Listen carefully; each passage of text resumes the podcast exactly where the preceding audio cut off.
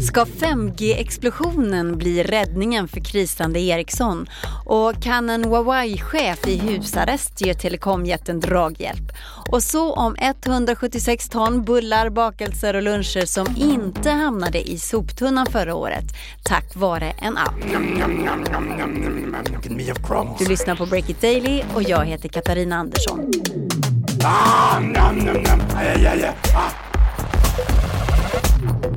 Det är tisdagen den 22 januari och igår så fick Sverige en rad nya ministrar. Anders Ygeman gör comeback som minister. Han blir ny digitaliseringsminister och det första han gjorde det var att säga att nu ska han ta tag i det här med bredband till hela Sverige. Olle Aronsson, en av entreprenörerna bakom Breakit. Idag är det du och jag som gör podden.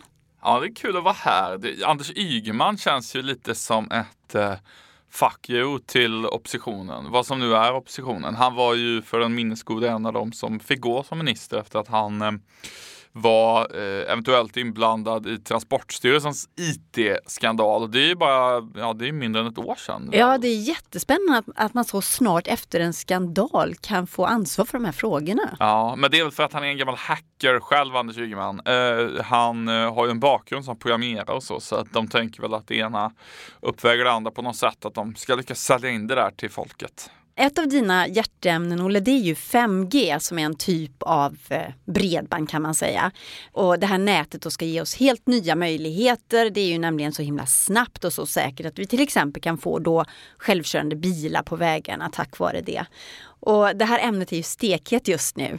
Ja, men I korta ordalag så är 5G stekhett eftersom det äntligen är på väg att komma på riktigt. Eh, 5G kommer ju möjliggöra att man kan utföra kirurgiska operationer på distans, eh, styra självkörande bilar och annat. Eh, och ehm, eh, det har varit snack om det jättelänge, men nu är det teknik som är på väg ut. Näten byggs. Och här i Sverige så är det Ericsson då som är herre på täppan när det gäller utbyggnaden. Absolut, de är ju vårt stora, en gång fina bolag som bygger de här nätverksutrustningen, de här stationerna som sitter runt om i eh, skogar och eh, vid tunnelbanestationer och alla möjliga ställen som, som är själva nätet som ger oss täckning.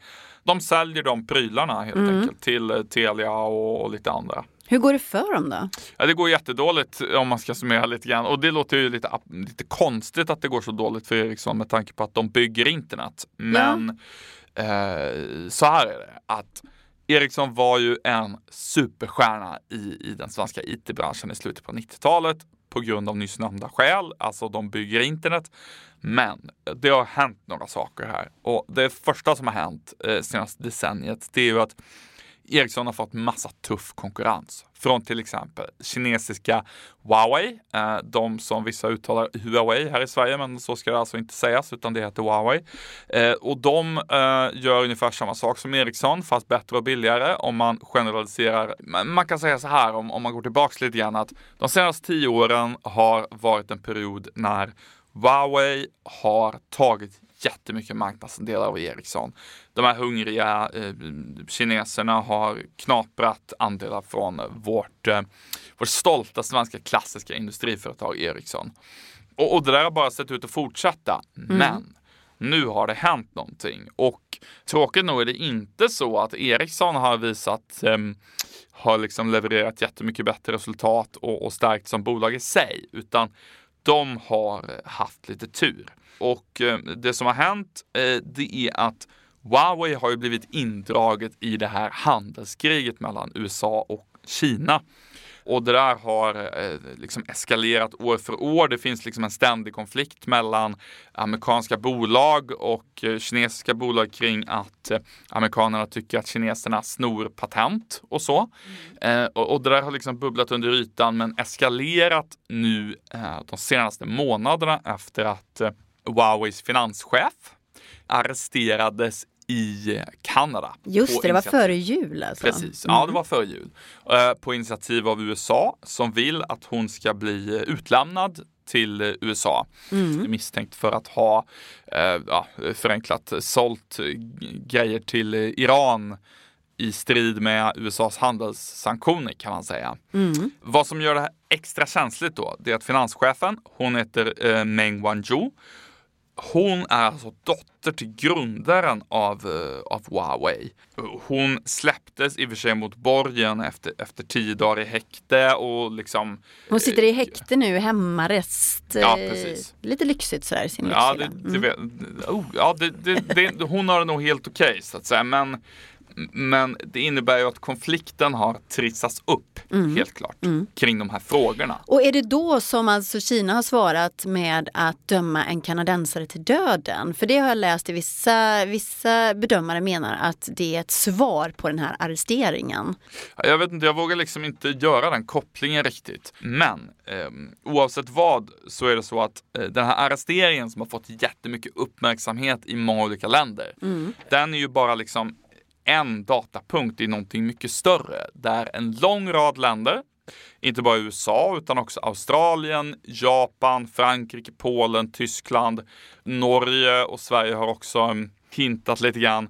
Alla de här länderna har på olika sätt eh, liksom antytt eller, eller bekräftat att de funderar på att inte låta Huawei sälja 5G-utrustning till mm. dem. Och det här handlar alltså om att man är då rädd för att Huawei har så starka kopplingar till det kinesiska kommunistpartiet? Ja, precis så. Om, och att man är rädd för att det här kan leda till um, att antingen uh, teknik som något företag mm. äger ska så att säga läcka till Kina eller att det ska användas i, i rena spionerisyften. Men om man kan säga så här då, det är ju vältajmat för Ericsson på ett sätt, alltså att eh, Huawei ser ut att, behöva lämna arenan då inför den här stora eh, utbyggnaden av 5G i hela världen. Precis.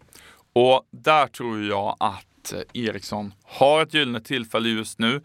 Men att det också kan vara så, tyvärr, att de är på väg att eh, att eh, missa det tillfället. För så här är det ju att Sverige är ju, oavsett om vi säljer nätverksutrustning eller om vi säljer eh, stridsflygplan, så ses ju vi som en neutral partner att handla med. Amerikaner och australienser och så, om man inte vill ha något säkerhetspolitiskt trubbel så handlar de ju mycket hellre till exempel nät 5G-utrustning av Sverige än av Kina. Mm. Eh, men samtidigt, det där är ju vad politikerna tycker och tänker.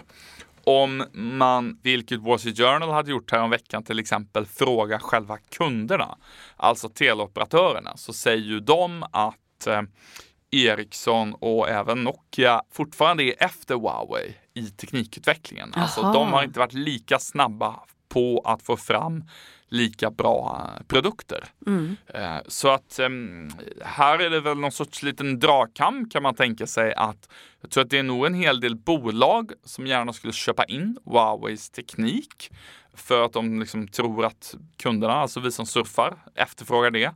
Men eh, samtidigt så finns det ju då politiker som kan, eh, som kan stoppa det. Och ur Ericssons perspektiv så man har ett gyllene tillfälle här nu, men jag är inte jättesäker på om man kommer ta det. Från 5G-explosion så går vi till en upplyftande nyhet om matsvinn. Matsvinnet är ett av våra största miljöproblem. Enligt Naturvårdsverket kastas 1,3 miljoner ton matavfall i Sverige per år och hälften av det är mat som faktiskt skulle kunna ätas. Appen Karma där man kan köpa mat som annars skulle slängas, säger i ett pressmeddelande idag att man har räddat 176 ton mat från soptunnan förra året. Break It Daily hör du imorgon igen. Det var Olle Aronsson som pratade om Ericsson idag och det är också han som är ansvarig utgivare för den här podden. Själv så heter jag Katarina Andersson.